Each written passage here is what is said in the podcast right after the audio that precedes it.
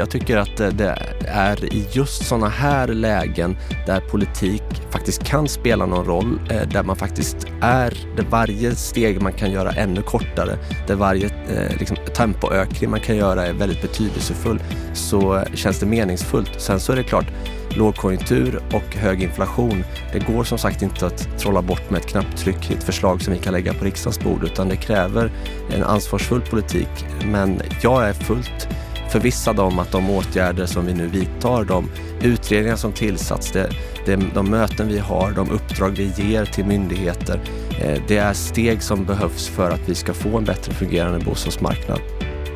Ja, han säger själv att han jobbar för att vi ska få en bättre fungerande bostadsmarknad. Vår bostadsminister Andreas Karlsson.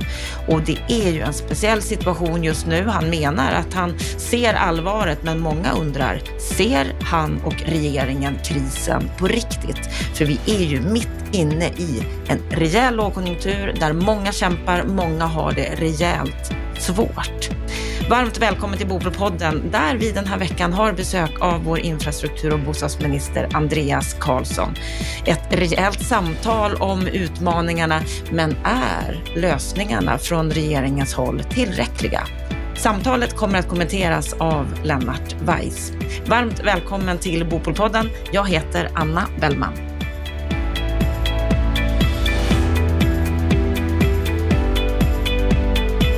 Vi är mitt inne i en av de absolut värsta lågkonjunkturerna på länge och bostadsproduktionen har totalt kraschat samtidigt som vi behöver bygga närmare 70 000 bostäder per år enligt Boverket. Så vad gör regeringen egentligen? Idag säger jag varmt välkommen till Bopolpodden infrastruktur och bostadsminister Andreas Karlsson. Tack så mycket. Vad är din sinnesstämning idag?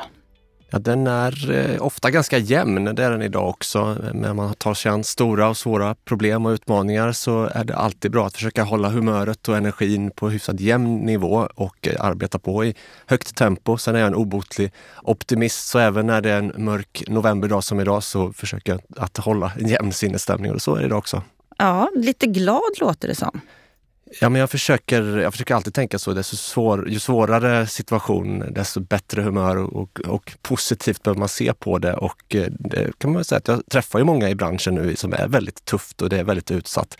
Men den entreprenörsanda som finns och att inte lägga sig ner och bara ge upp utan fortsätta kämpa, den inspirerar ju förstås även mig att göra precis allt vad jag kan för att bidra till att vi ska få en så lindrig situation som möjligt trots att det är en väldigt dramatisk nedgång, precis som du beskriver. Mm, det är ju en väldigt tuff situation ja, och det är väldigt många som jag möter som hänvisar till dig, mm. som har stora förhoppningar till att regeringen verkligen borde och ska göra någonting i den här mm. tuffa situationen. Men innan vi kommer in på de frågorna ja. så måste jag ju ändå fråga Andreas, för mm.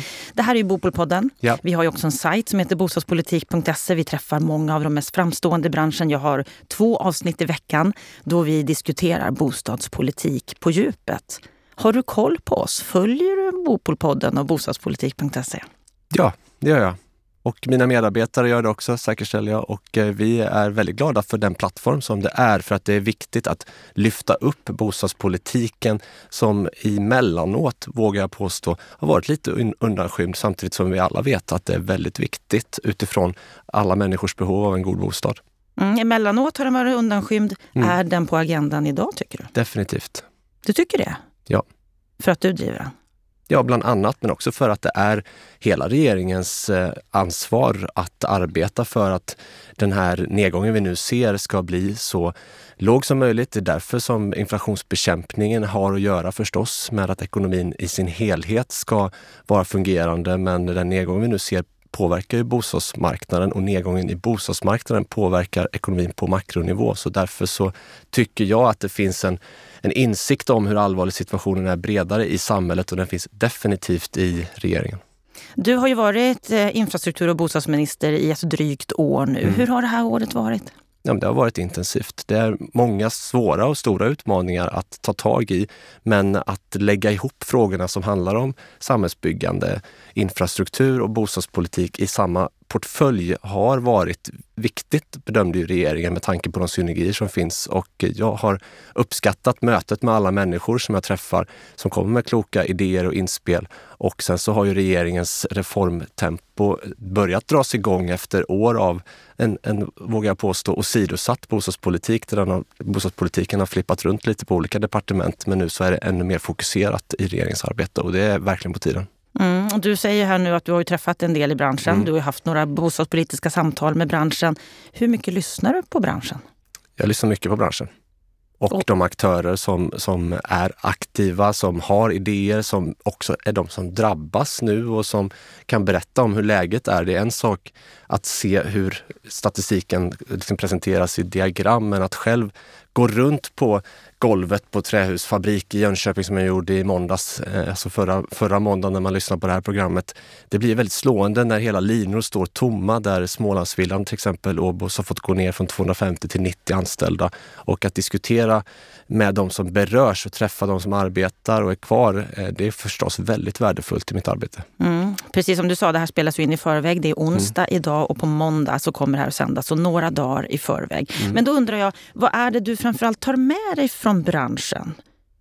Det jag framförallt tar med mig från branschen och som var väldigt tydligt när jag samlade en stor del av aktörerna för ett stort möte eh, för ett tag sedan, det är att det finns i huvudsak samsyn kring de strukturella åtgärderna som behöver till och som kanske hade behövt komma till för länge sedan, för flera decennier sedan och som regeringen pekade ut i den första budgeten i finansplanen att vi ska arbeta med för att ta fram reformer på de områdena. Och då handlar det om att korta ledtider, något som märks tydligt nu när tid inte är, liksom tid kostar pengar och pengar är, kostar någonting igen, inte pengar liksom är gratis som det har varit i, i lågräntemiljö. Och hur ska ledtiderna kortas? Ja, det flera olika steg som vi har tagit handlar om att digitalisera samhällsbyggnadsprocessen. Här finns det mycket vinningar att göra både hos Lantmäteriet, i kommunernas handläggningar. Bygg i tid har pekat på flera olika eh, initiativ som vi jobbar med också. Vägledning för exploateringsavtal är ett av, av deras förslag som nu Boverket har i uppdrag att arbeta med. Eh, sen så arbetar vi också med eh, att korta miljötillståndsprocesser. Det finns en utredning som arbetar med det och det finns liksom många olika steg där regeringen redan har vidtagit åtgärder. Allt det här är åtgärder som träffar liksom situationen på lite längre sikt på samma sätt som vårt arbete med att förenkla och förbättra regelverk, tillgängliggöra byggbar mark i attraktiva lägen. Och det är klart att man kan säga att det här borde varit på plats för länge sedan, men det är ju lika viktigt och angeläget att arbeta med de här åtgärderna i lågkonjunktur som i högkonjunktur. Men effekterna syns ju ännu mer nu med den tydliga inbromsningen på bostadsmarknaden. Mm, det är mycket som, som sker som kommer att få effekt på lång sikt, inte lika mycket som får effekt på kort sikt. Vad har ni för åtgärder på kort sikt?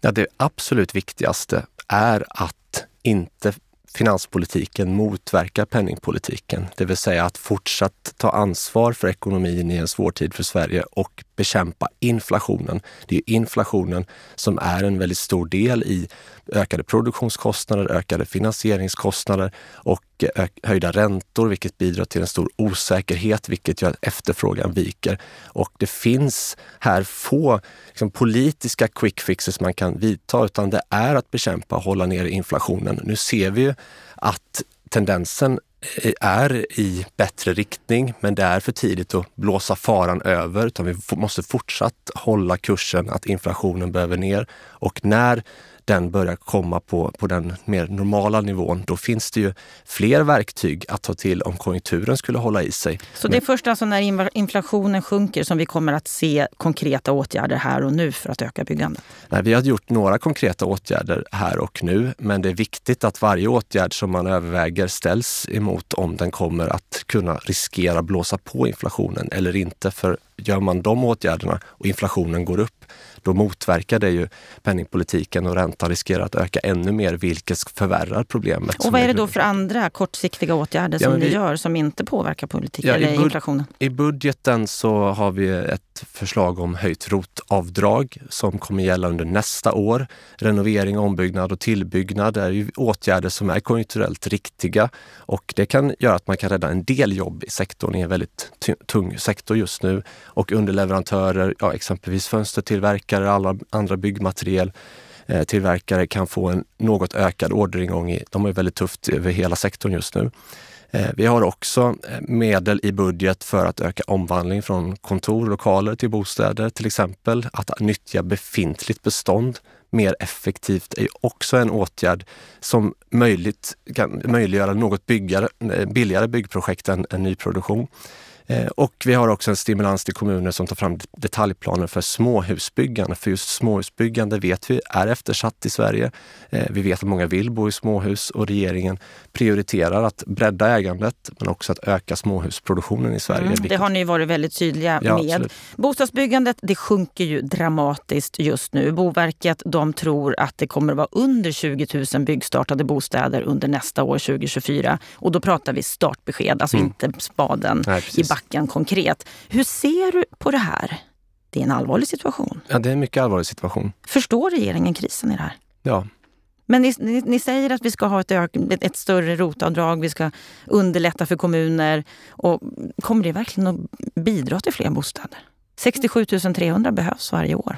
Ja, men lärdomar från finanskrisen visar ju att Eh, det tog tid att vända när konjunkturen väl vände och det var svårt att anställa tillbaka personer som hade lämnat sektorn. Rotavdraget syftar ju till att rädda en del jobb, men det kommer inte lösa hela det stora problem som vi har, utan det är omvärldsfaktorer som hög inflation och en, en lågkonjunktur som vi är i som påverkar byggandet väldigt dramatiskt. Och det är ju på ett sätt inte nytt till den här konjunkturnedgången. Byggandet har ju ofta bromsat in i lågkonjunkturer. Och därför är det så viktigt att återkomma till strukturreformerna. Att det inte finns liksom inga genvägar här, inga quick fixes, utan vi behöver ta tag i problemen steg för steg. Eh, Men då och, kommer vi inte se några förbättringar här och nu? Det kommer inte att bli några mer byggda bostäder? När behovet 67 000 per år som, eh, som eh, Boverket pekar på och eh, att vi behöver bygga ungefär en halv miljon bostäder fram till 2030 i Sverige. Det är klart att det är väldigt bekymmersamt med den byggtakt som vi nu ser med väldigt vikande nedgång. Men låt mig också zooma ut lite. Under de senaste åtta åren med socialdemokratisk regering så nådde man inte heller då upp i att bygga i den, enligt de behov som Boverket pekade på under ett enda av de åren. Och då var det högkonjunktur och pengar var nästan gratis. Att tro att vi skulle kunna göra det ännu bättre i lågkonjunktur med hög inflation, det är ju liksom naivt i princip, men inte Eh, det säger jag inte som en bortförklaring att regeringen inte jobbar med frågan, tvärtom så finns det en insikt om hur allvarligt det här problemet är. Jag har tagit initiativ till en statssekreterargrupp som leds med min statssekreterare där finansministern, statsministerns, justitieministern, klimat och miljöministerns, arbetsmarknadsministerns eh, statssekreterare ingår. Missade kanske någon, men jag arbetar också nära mina kollegor i regeringen med tanke på att läget är så allvarligt så är insikten om det allvaret bred och vi diskuterar olika åtgärder och lösningar. Men att bekämpa inflationen, att ta ansvar för ekonomin i det här tuffa läget, det är en viktig åtgärd som regeringen vidtar. För det är det som är grundorsaken till situationen i stort. Och, och hur långt är ni beredda att gå för att bekämpa inflationen? Det finns ju de som menar nu att ni offrar en hel bransch, hela bostadsbyggandet, hela bostadsbranschen för att ni bara ser inflationsproblematiken. Nej, men det, så enkelt är det ju inte riktigt. Alltså, skulle man offra en hel bransch, det är, ju, det är ju på inflationens altare i så fall, för det är inflationen som är orsaken och riskerar man att med politiska beslut spä på den ytterligare, då är det ju inte, då är det ju inte inflationen man kommer skylla på utan regeringen. Vi kommer behöva ta ansvar i en svår tid för Sverige. Det är lätt att skriva en debattartikel om olika åtgärder som man vill vidta och sen så kanske det inte blev riktigt så som man skrev ja, då kan man skriva en ny debattartikel. Men om regeringen chansar i det här läget och vi nu kanske tror att faran är över och inflationen skulle börja gå uppåt igen, då kommer det låta på ett annat sätt. Så det är det som är eh, det liksom svåra med den situation vi är i. Vi är på väg in i en lågkonjunktur och den kommer hålla i sig till åtminstone 2025. Och vi kan inte sätta in alla de konjunkturella åtgärder som man annars hade kunnat ha i verktygslådan med tanke på att inflationen fortsatt är hög. Men nu går det Eh, förhoppningsvis åt rätt håll och då kommer vi att kunna förstås vidta åtgärder. Regeringen följer det här mycket noga och är alltid beredd att vidta åtgärder som krävs för att få en bättre fungerande bostadsmarknad, men också för att rädda en del jobb i sektorn. För det är ju jobben som krävs. Kompetensen som riskerar att försvinna ut ur sektorn nu är den som kommer behövas om bara några år när konjunkturen vänder igen och vi fortfarande har ett mycket stort bostadsunderskott i 180 av landets kommuner och vi ser att bostadspolitiken politiken är central för att lyckas med den gröna omställningen i norr, med industrins behov och framförallt för att människor ska kunna uppfylla sina boendedrömmar och fler ska kunna bo i småhus till exempel. Nu är du inne på en väldigt, väldigt viktig fråga. För mm. just det här med att offra en hel sektor, det är ju många bolag som har otroligt tufft just Absolut. nu. Det finns många som har gått omkull, mm. som gör sig av med, med medarbetare. Hur ser du på den situationen? Det är en väldigt tuff situation och jag har en väldigt stor respekt för de som nu ligger vakna om nätterna och funderar på hur ska man agera i det tuffa läge som nu råder och det är därför som jag värdesätter att ha en mycket nära kontakt med sektorn, med olika företag och representanter för att hela tiden vara uppdaterad om hur allvarligt läget är. Och, och vad gör ni då för att hjälpa de här bolagen som har det så tufft? Ja, vi eh, dels överväger ju vilka olika åtgärder man kan genomföra på kort sikt utan att det eldar på inflationen. Och vad kan det vara för åtgärder? Ja, det som lyfts fram är ju olika stimulanser som skulle kunna hålla igång sektorn på ett eller annat sätt. Och rotavdragstakhöjningen tog vi ju inte ur luften utan det var ju ett av förslagen som lyftes vid mötet. Kommer vi få se fler förslag? Det utesluter jag inte, men de förslag vi hittills har presenterat handlar ju om att höja taket i rotavdraget, att stimulera småhusplanläggning och stimulera omvandling av lokaler till bostäder. Men vi har ju också eh, tittat på exempelvis förenklade privatuthyrningsregler, hyrköp, ägarlägenheter som eh, sänker tröskeln in till det första ägda boendet. Och vi har ju en utredning igång som analyserar amorteringskrav, bolånetak till exempel för att se vilka, vad kreditrestriktionerna innebär och hur man skulle kunna utforma dem på ett ändamålsenligt sätt i en, en ny miljö helt enkelt. Mm. Om vi bara ska, ska kolla på det här med, med, med antal bostäder mm. per år. 67 300 som behövs till och med 2030. Det kommer vi ju inte nå, som du säger själv, att den här krisen kommer att hålla på minst till 2025. Många andra experter menar ju att det kan bli betydligt längre mm. än så. Mm. Vad är en acceptabel nivå när det gäller bostadsbyggande? Hur många bostäder är acceptabla att komma upp i per år? Nej, jag kommer inte sätta någon exakt summa på det utan vi, har ju, vi vet vad behovet är och vi ser vad prognosen är. Det som vi har gett Boverket i uppdrag är att förbättra prognoserna så att man får ett ännu bättre underlag. Eh, det är precis som du sa i frågan så är det ju just eh, startbesked. Vi behöver ju också få ännu mer finmaskigt prognosinstrument för att kunna veta hur läget ser ut och hur det utvecklas med lite snabbare eh, alltså inte den eftersläpning utan se det snabbare. Så det uppdraget har vi gett till, till Boverket. Eh, men den acceptabla nivån, det är ju förstås att höja, den, eh, höja antalet bostäder genom att förenkla och förbättra regelverk, korta ledtider och tillgängliggöra byggbar mark i attraktiva lägen. Det finns ju inga genvägar här heller utan vi behöver ju se till att få en bättre funktion på bostadsmarknaden. Och en sak som behöver också förbättras det är ju möjligheten att ta sig in mm. på bostadsmarknaden. Och ni har gett en kommitté i uppdrag att analysera hur åtgärder när det gäller makrotillsynsåtgärder som bolånetak, amorteringskrav, hur det har fungerat mm. hittills och hur de kan formas framöver för att just hantera risker på ett ändamålsenligt sätt och inte öka inflationen ytterligare och sådär. Och det finns ju kritiker som menar att den här nya utredningen, den har ni tillsatt bara för att skjuta upp den här frågan ytterligare. Kan du förstå den kritiken? Jag kan förstå att man skulle vilja ha de här åtgärderna på plats snabbare, men det är viktigt att varje åtgärd dels viktas mot hur det påverkar inflationen, men också att vi inte eh, driver på överskuldsättning, men att man också tittar på eh, amorteringskravet, bolånetaket och det pågår ju förstås. Du har också noterat att utredaren har beskrivit lite grann hur han arbetar i media också, så att det pågår för fullt arbetet. Mm, men det kommer inte bli klart förrän nästa höst? Nej, och regeringen har ju samtidigt gett i uppdrag till Finansinspektionen att följa upp hur det här tillfälliga amorteringspausen för, eh, eller amorteringsfritt när man bygger nytt för de första fem åren, hur det har tillämpats och använts. Det kan ju vara en väg att gå framåt för att se hur man ska kunna komma in på bostadsmarknaden och förvärva nyproduktion eller bygga nytt till exempel. Så Men ni gick ju till val på att ni skulle ta bort det.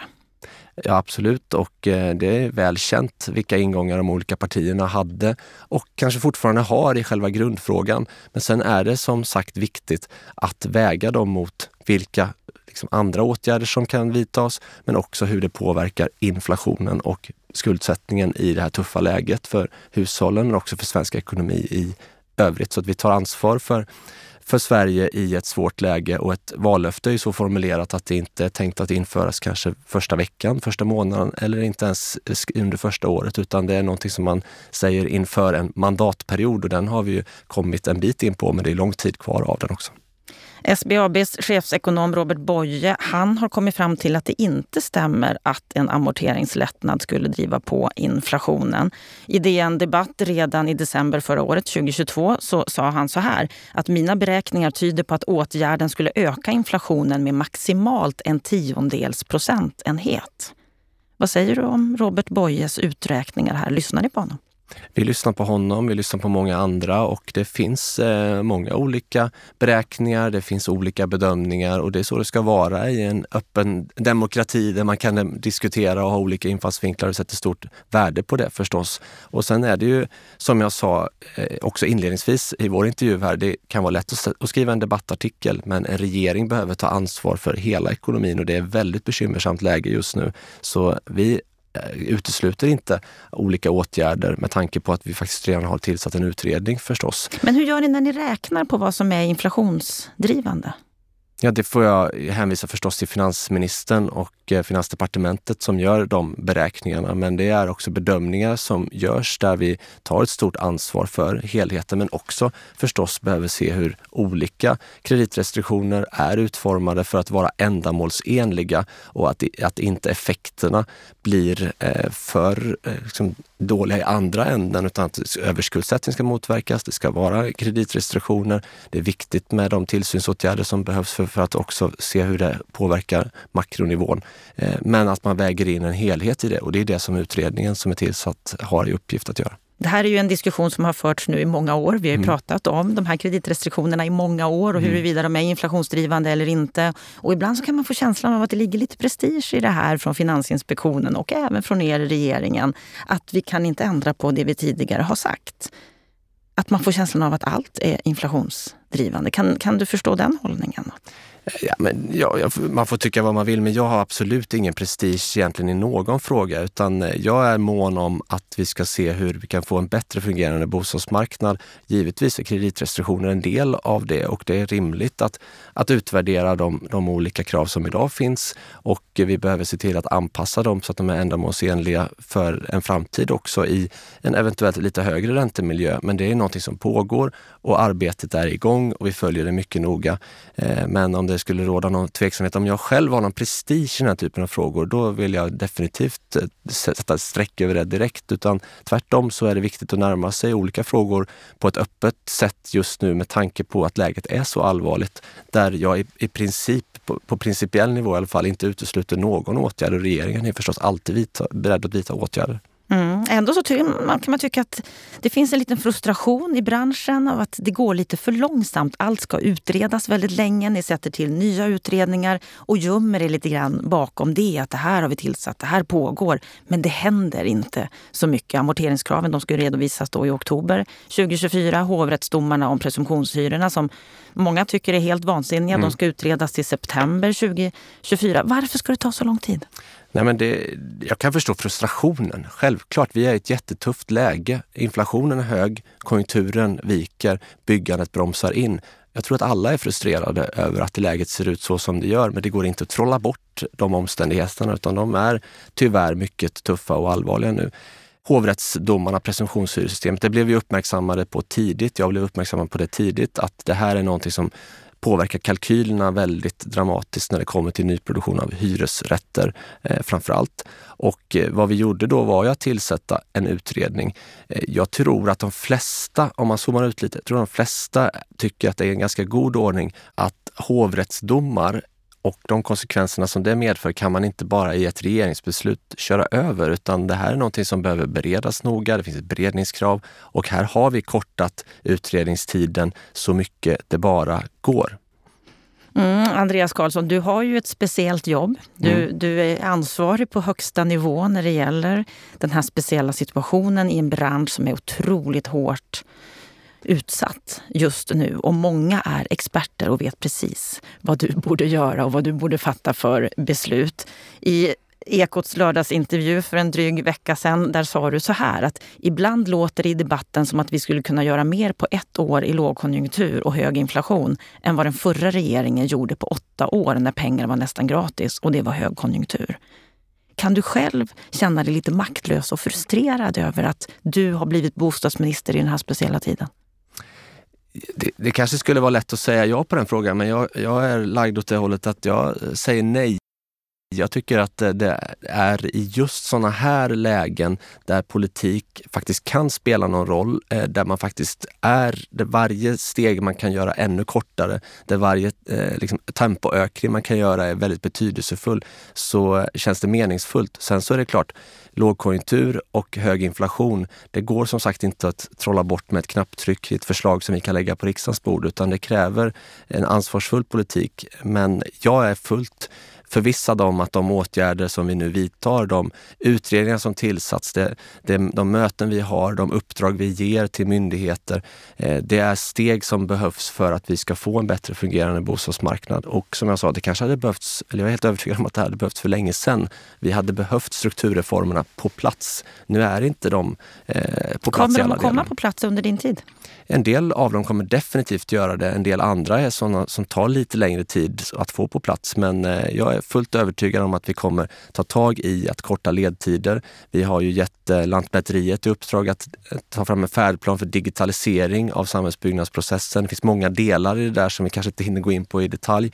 Men det är sånt som många har pratat om i ja, decennier, men det har inte hänt tillräckligt mycket. Nu händer det. Det händer ve vecka för vecka. Vi har eh, beslut som tas eh, även den här veckan på regeringssammanträde, hade förra veckan tror jag. Det, det händer grejer steg för steg. Eh, jag förstår att man gärna hade sett att de här var på plats tidigare. Men eh, för min egen del så känns det väldigt betydelsefullt att få i det här läget vara med och ta ansvar i en svår tid för Sverige och se till att vi får en bättre fungerande bostadsmarknad. Och mm. jag får ju väldigt mycket energi av alla de entreprenörer som jag träffar som ser möjligheter där andra kanske ser problem. Ulf Perbo som var statssekreterare när Stefan Attefall var bostadsminister. Han är en återkommande krönikör hos mm. oss på bostadspolitik.se. Och han skrev i en krönika om ekvationen som är Erik Thedéens och Andreas Karlssons mardröm. Och budskapet det var att allt tar så lång tid att vi inte kommer att hinna se några resultat under den här mandatperioden. Och så skriver han så här. Även om Karlsson skulle vara den bästa bostadsministern någonsin så kommer bostadsbyggandet att kollapsa under hans mandatperiod. Nästa minister kommer 2026 till 2030 däremot kunna sola sig i en enorm uppgång. Det är därför jag redan nu kan avisera att jag kandiderar för omval och vi hoppas definitivt på att få väljarnas förtroende för en mandatperiod till. Någon annan som också kandiderar för att bli bostadsminister, gissar jag, det är den som är bostadspolitisk talesperson för Socialdemokraterna, Jenny Nilsson, som gästade podden här för några veckor sedan. Och hon efterlyser blocköverskridande samtal och det är det ju många som gör. En långsiktig bostadspolitik men också snabba åtgärder för att öka bostadsbyggandet här och nu. Är du öppen för de här blocköverskridande politiska samtalen? Jag är öppen för samtal, men ofta så är det inte snabba åtgärder som är liksom lika med blocköverskridande samtal.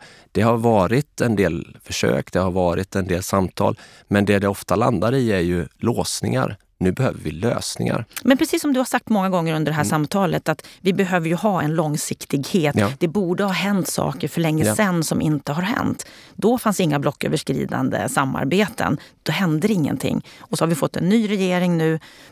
Behövs det då inte de här blocköverskridande samtalen för att vi ska se en långsiktighet? Bostadspolitiken fungerar ju inte om vi bara ser i mandatperioder.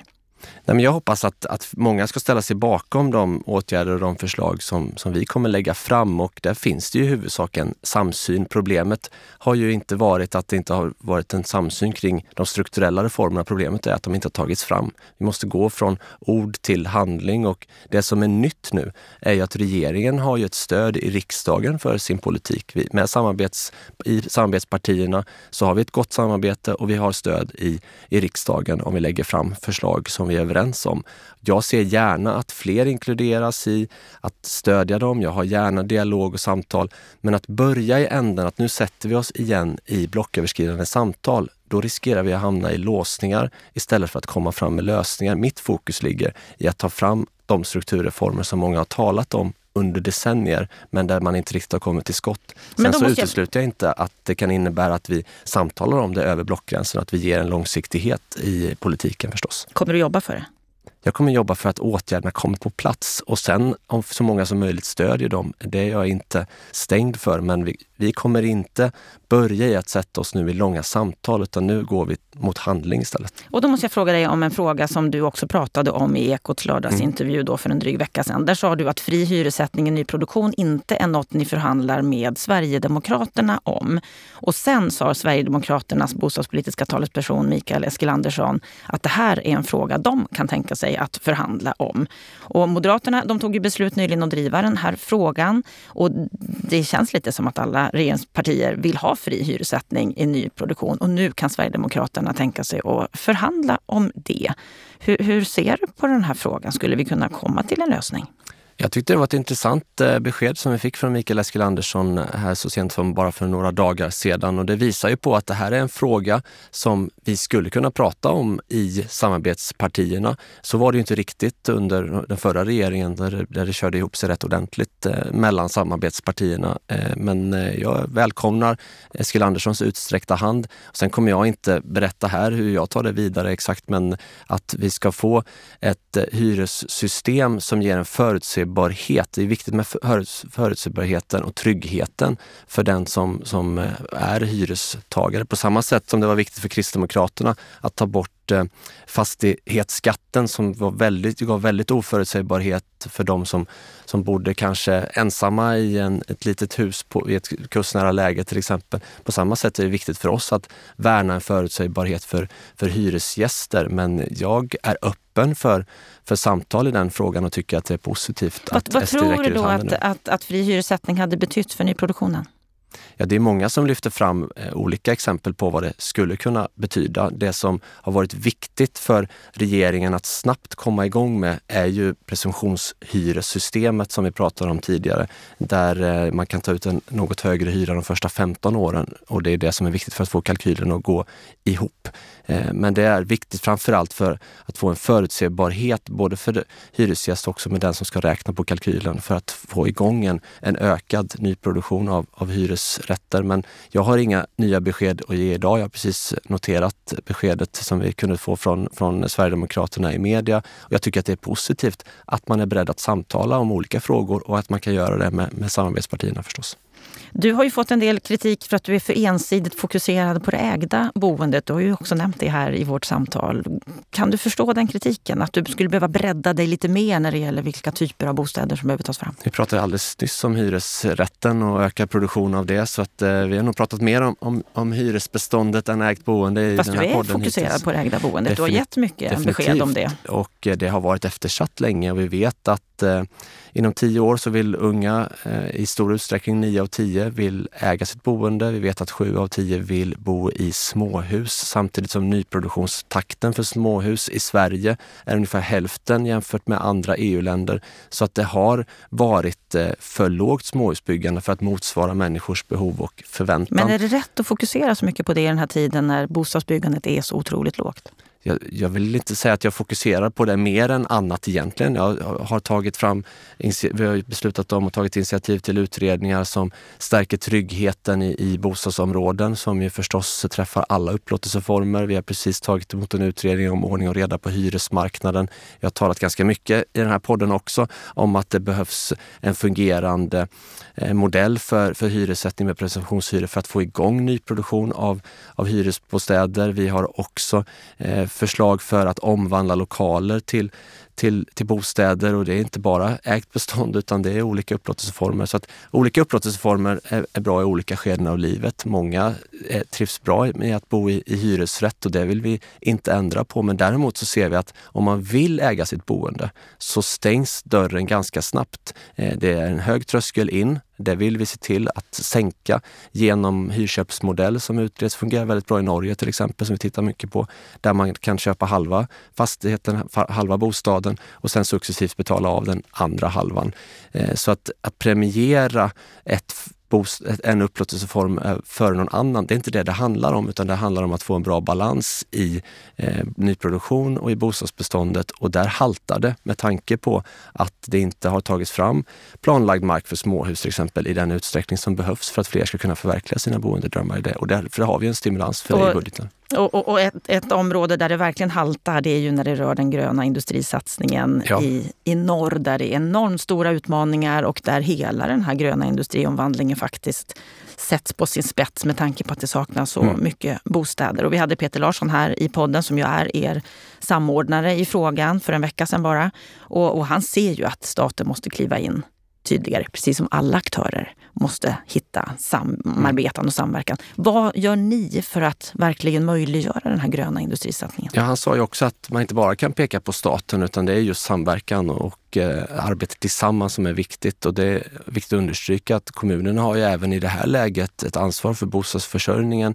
De olika bolag som investerar. Samtidigt tar de en enormt stor risk som kommun. Definitivt. Därför att det blir fly-in, fly-out. De ja. får inte några skatteintäkter. Va, va, vad gör ni?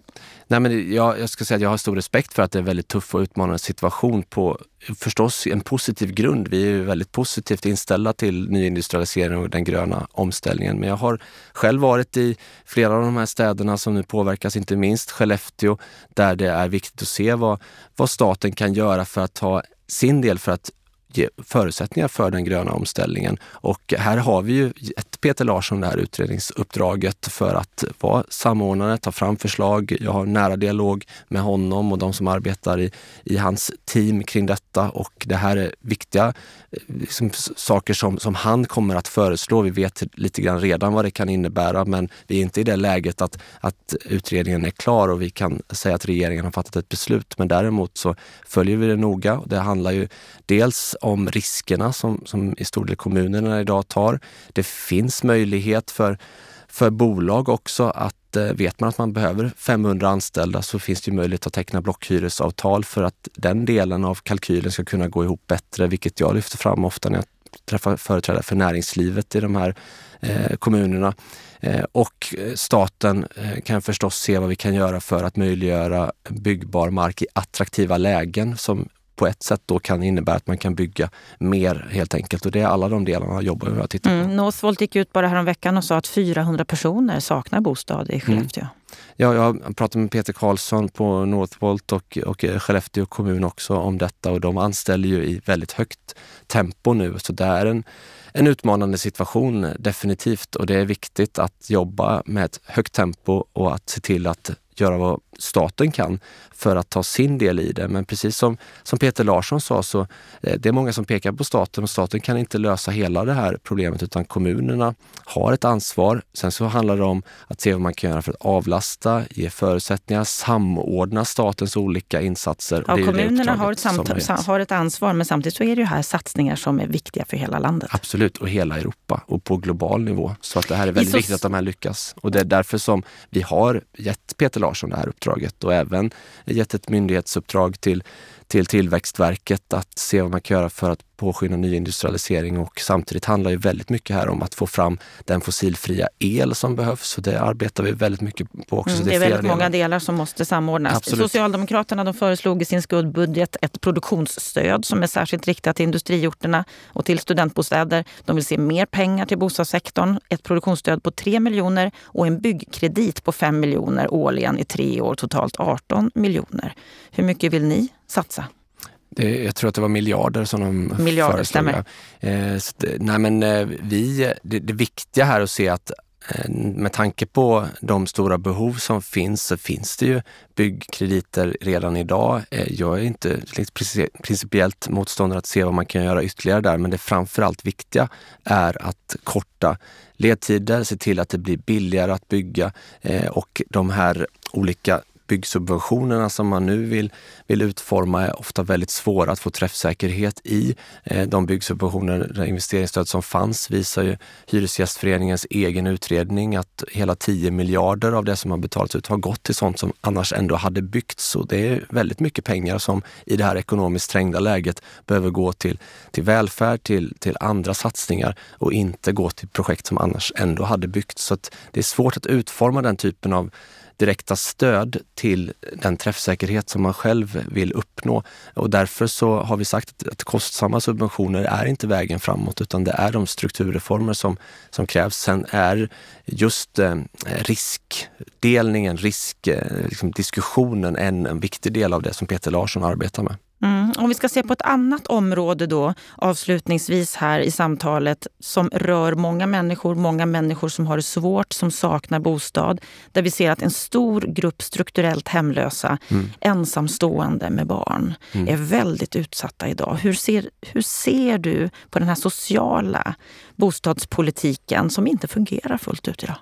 Nej men den är väldigt viktig för, för mig som kristdemokrat, för vårt parti förstås, men också för regeringen. Och vi har vidtagit flera åtgärder hittills. Dels stärkt arbetet med hemlöshetsstrategin, stärkt arbetet med bostad först och eh, förlängt och även förstärkt det tillfälliga bostadsbidraget för barnfamiljer. Och hur långt kommer det att räcka?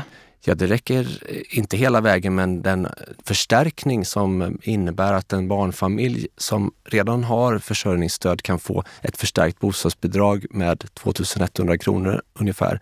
Eh, det blir en väldigt påtaglig förbättring och lättnad i en mycket tuff ekonomisk situation. Sen så har vi utredningen som Karolina Skog eh, utredde. Den har vi på bordet. Den bereds i regeringskansliet och där finns det flera förslag som också syftar till att fler ska kunna klara en, en god bostad på, i egen kraft. och när kommer vi konkret att se resultat av, av detta i och med att utredningen är klar och den bereds? När, när, när ser vi något resultat? Ja, jag har inget besked att ge idag om, om det, men jag kan intyga och säga att det vi gör är att vi bereder den i ett högt tempo. Det finns flera angelägna förslag i den. Ett högt tempo, ni bereder, det är många frågor som ja. du har sagt att ni har ett högt tempo i. Absolut. Vad är det viktigaste just nu? Det viktigaste är just nu, nu kanske jag låter tråkig att upprepa mig här, men det är för att det inte har förändrats de här 30 minuterna vi har pratat, men det är att få ner inflationen. Att se till att en av grundorsakerna till den tuffa situationen vi är i dämpas och lyckas vi med det i Sverige, och vi är inte en egen isolerad ö här förstås, vi är beroende av världsekonomin, men, men lyckas vi med det, då finns det ju andra verktyg att överväga om lågkonjunkturen biter sig fast. Så därför är det det viktigaste och det är det som regeringen jobbar med i denna svåra tid för Sverige. Mm, det är en svår tid och det är många människor som har det svårt och vi har många utsatta områden mm. där kriminaliteten Absolut. ökar och där också bostäderna är en viktig faktor. Väldigt viktig faktor. Och här jobbar vi ju förstås med eh, att stärka upp rättsväsendet, att stärka de förebyggande insatserna med föräldrastödsprogram, med arbete och satsningar på skola och socialtjänst. Men den byggda miljön och tryggheten i bostadsområdena är en väldigt viktig del i detta. Det kunde jag se redan när jag arbetade i riksdagens justitieutskott och var ute med polisen i flera av de här utanförskapsområdena där det är väldigt viktigt med eh, fastighetsägare som tar ett ansvar för platssamverkan. Vi har ju utredningar igång på detta, också stärka tryggheten i den byggda miljön. Och detta är någonting som jag följer mycket noga och arbetar nära justitieministern om också. Det finns inte bara en, en satsning på svensk polis för att lösa den mycket allvarliga situationen har i Sverige, utan alla delar behöver eh, jackas i där. Även förvärva, eh, för, eh, förvärvande av egendom, till exempel, eller förverkande av egendom, ursäkta. Där mycket fokus har varit på statussymboler som lyxprylar, kedjor, bilar, klockor Eh, när man kan få in ett ännu mer systematiskt arbete med fastighetsbeståndet så kan det vara ännu en åtgärd för att gå på de kriminellas pengar och tillgångar.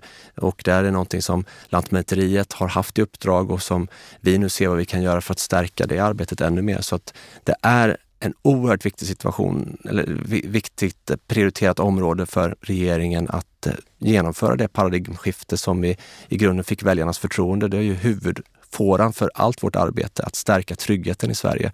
Bostadspolitiken, eh, den byggda miljön, fastighetsbeståndet. Det är inte liksom en, en sidofåra här utan det är en av de centrala delarna. Mm, precis som du säger, det behövs ett paradigmskifte. Ja. För det går åt fel håll just nu. Ja, absolut. Och eh, där har vi ju gjort ganska mycket det här första året och vi jobbar på även i det här avseendet väldigt Eh, aktivt och i, med snabba steg för att vi ska kunna göra Sverige tryggare. Det är en allmän uppfattning tror jag att det har blivit otryggare i Sverige. Man behöver inte vänta länge med att öppna sin telefon på morgonen för att se vad det har skjutits eller sprängts den, den natten. Utan det här är någonting som är prioriterat och bostadspolitiken är en viktig del av det. Mm, otroligt viktig del. Du har en viktig uppgift. Det behöver ökas i tempo, det behöver tas beslut under de här kommande månaderna, åren. Grejer du det? Absolut. Eh, det är regeringen jobbar väldigt målmedvetet kring det. Vi har säkerställt att vi har ett gott samarbete med en statssekreterargrupp. Alla är med på, på tå. Vi jobbar gemensamt med samarbetspartierna. Eh, sen är det en mycket svår och stor uppgift och allt går inte att lösa över en kafferast. Allt går inte med en quick fix utan tvärtom så är det många olika steg som behöver tas med raska steg och därför så är jag fast besluten om att fortsätta jobba stenhårt och jag är säker på att den riktning som regeringen nu har pekat ut och lagt den är rätt och riktig. Sen så förstår jag att många vill ha mer av detta, men jag tycker att det är positivt att det i huvudsak finns en samsyn kring de strukturella åtgärderna och sen kan vi se vilka konjunkturella åtgärder som Då vi kan sätta in. Då hoppas jag att nästa gång vi ses Andreas, att vi kan checka av några av de här boxarna. Stort lycka till med allt du har att bestämma framåt och tack för att du kom till Bopolpodden. Tack så mycket Anna.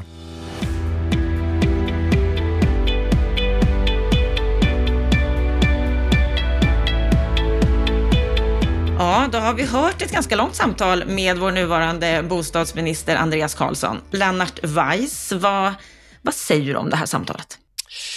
Ja, man kan säga mycket om det. Det är, eh, alltså, han, samtalet speglar ju Andreas personlighet väldigt väl. Det här är en stabil person och att han har en optimistisk eh, eh läggning som person, det är nog ganska uppenbart också. Det är definitivt en väldigt väl påläst person de här beskrivningarna som jag ibland kan få av branschkollegor att det är en okunnig bostadsminister, det stämmer inte alls. Både han och hans team är väldigt, väldigt väl pålästa.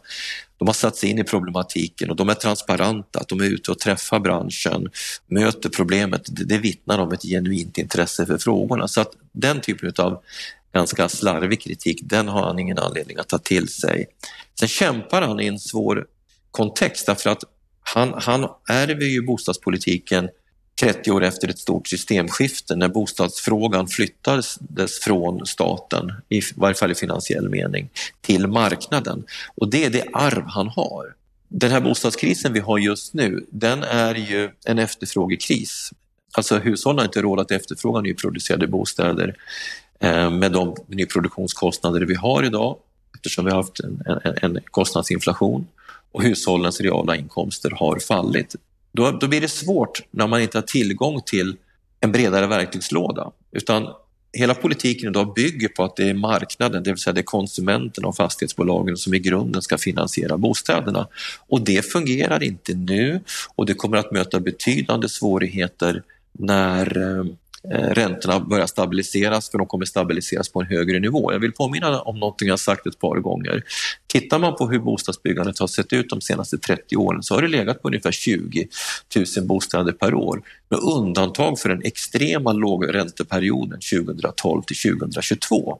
Före dess, i en mer normalt ränteläge, så har vi byggt väldigt lite bostäder. Det vi förväntar oss framåt, det är liksom ett ränteläge som ändå ligger 2-3 procentenheter över vad det var under den här extrema perioden. Då kommer man inte få fram de här 65-70 000 bostäderna. Men Andreas och hans regering, och det gäller egentligen det politiska systemet i stort, är fångad av systemskiftets grundläggande liksom innebörd, att vi har en efterfrågestyrd bostadsmarknad. Då är det alltså hushållens efterfrågan som ska styra. Så då kan man egentligen säga så här att det Andreas har tillgång till, det är det han kallar för då strukturella reformer som underlättar för hushållen. Det är snabbare processer och det kanske och som leder till på marginalen lägre finansiella kostnader och så för att snabbare planeringstempo binder mindre kapital och det är bra.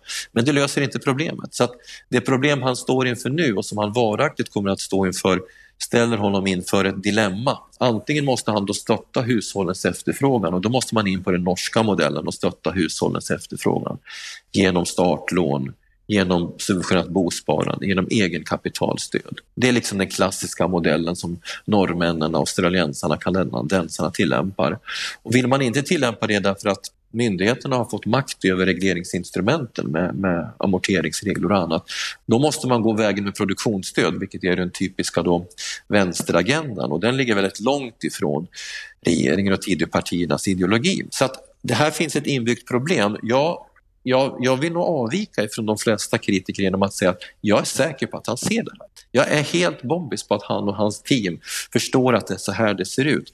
Men det kräver en större och djupare politisk omprövning av hela bostadspolitiken för att du ska komma dit. Jag vet inte vad som rör sig på insidan hos, hos departementsledningen. Det kanske förs en sån här diskussion, jag, jag, kan mycket väl tänka mig det, men de skulle inte berätta om det förrän den här processen har kommit en bit. Men jag kan ändå tolka honom som att han verkligen ser att det behövs de här mer liksom grundläggande reformerna, det behövs ett större omtag. Och han sa ju också i samtalet att han tittar på den norska modellen, exempelvis när det gäller startlån. Ja, men den norska modellen är ett helt system för att få en efterfrågestyrd bostadsmarknad att fungera. Jag kan mycket väl tänka mig att startlånen är ett signalord för honom för att signalera att det är den riktningen han vill gå. Och, han, och, och, och ett annat sådant signalord är ju att man vill främja byggandet av småhus. Så att det finns vissa sådana signaler och det ligger också ganska nära en kristdemokratisk grundsyn och det ligger ganska nära den syn som kom till uttryck i KDs senaste bostadspolitiska program. Så jag känner mig i någon sorts allmän mening ganska trygg i vad han vill och i vilken riktning han vill gå. Det är tempot som är problemet och tempot är relaterat till att vi i Sverige i ljuset utav kreditrestriktionerna och den debatten vi har haft de senaste 10-15 åren om skuldsättningen har ett annat intellektuellt paradigm där myndigheterna satt en bild av att det är per definition problematiskt när hushållen lånar. Då måste man hitta då måste man dyrka upp den problematiken. Så antingen måste hushållen kunna låna eller så måste det till kompensation som stöttar hushållens efterfrågan. Och jag hoppas och tror att det är där man resonerar. Jag känner mig inte osäker på den saken, utan det är tempot som är det stora problemet. Rädd, han, ja. han pratar ju mycket om tempoökning, att han är inne i en tempoökning, att de hela tiden springer på.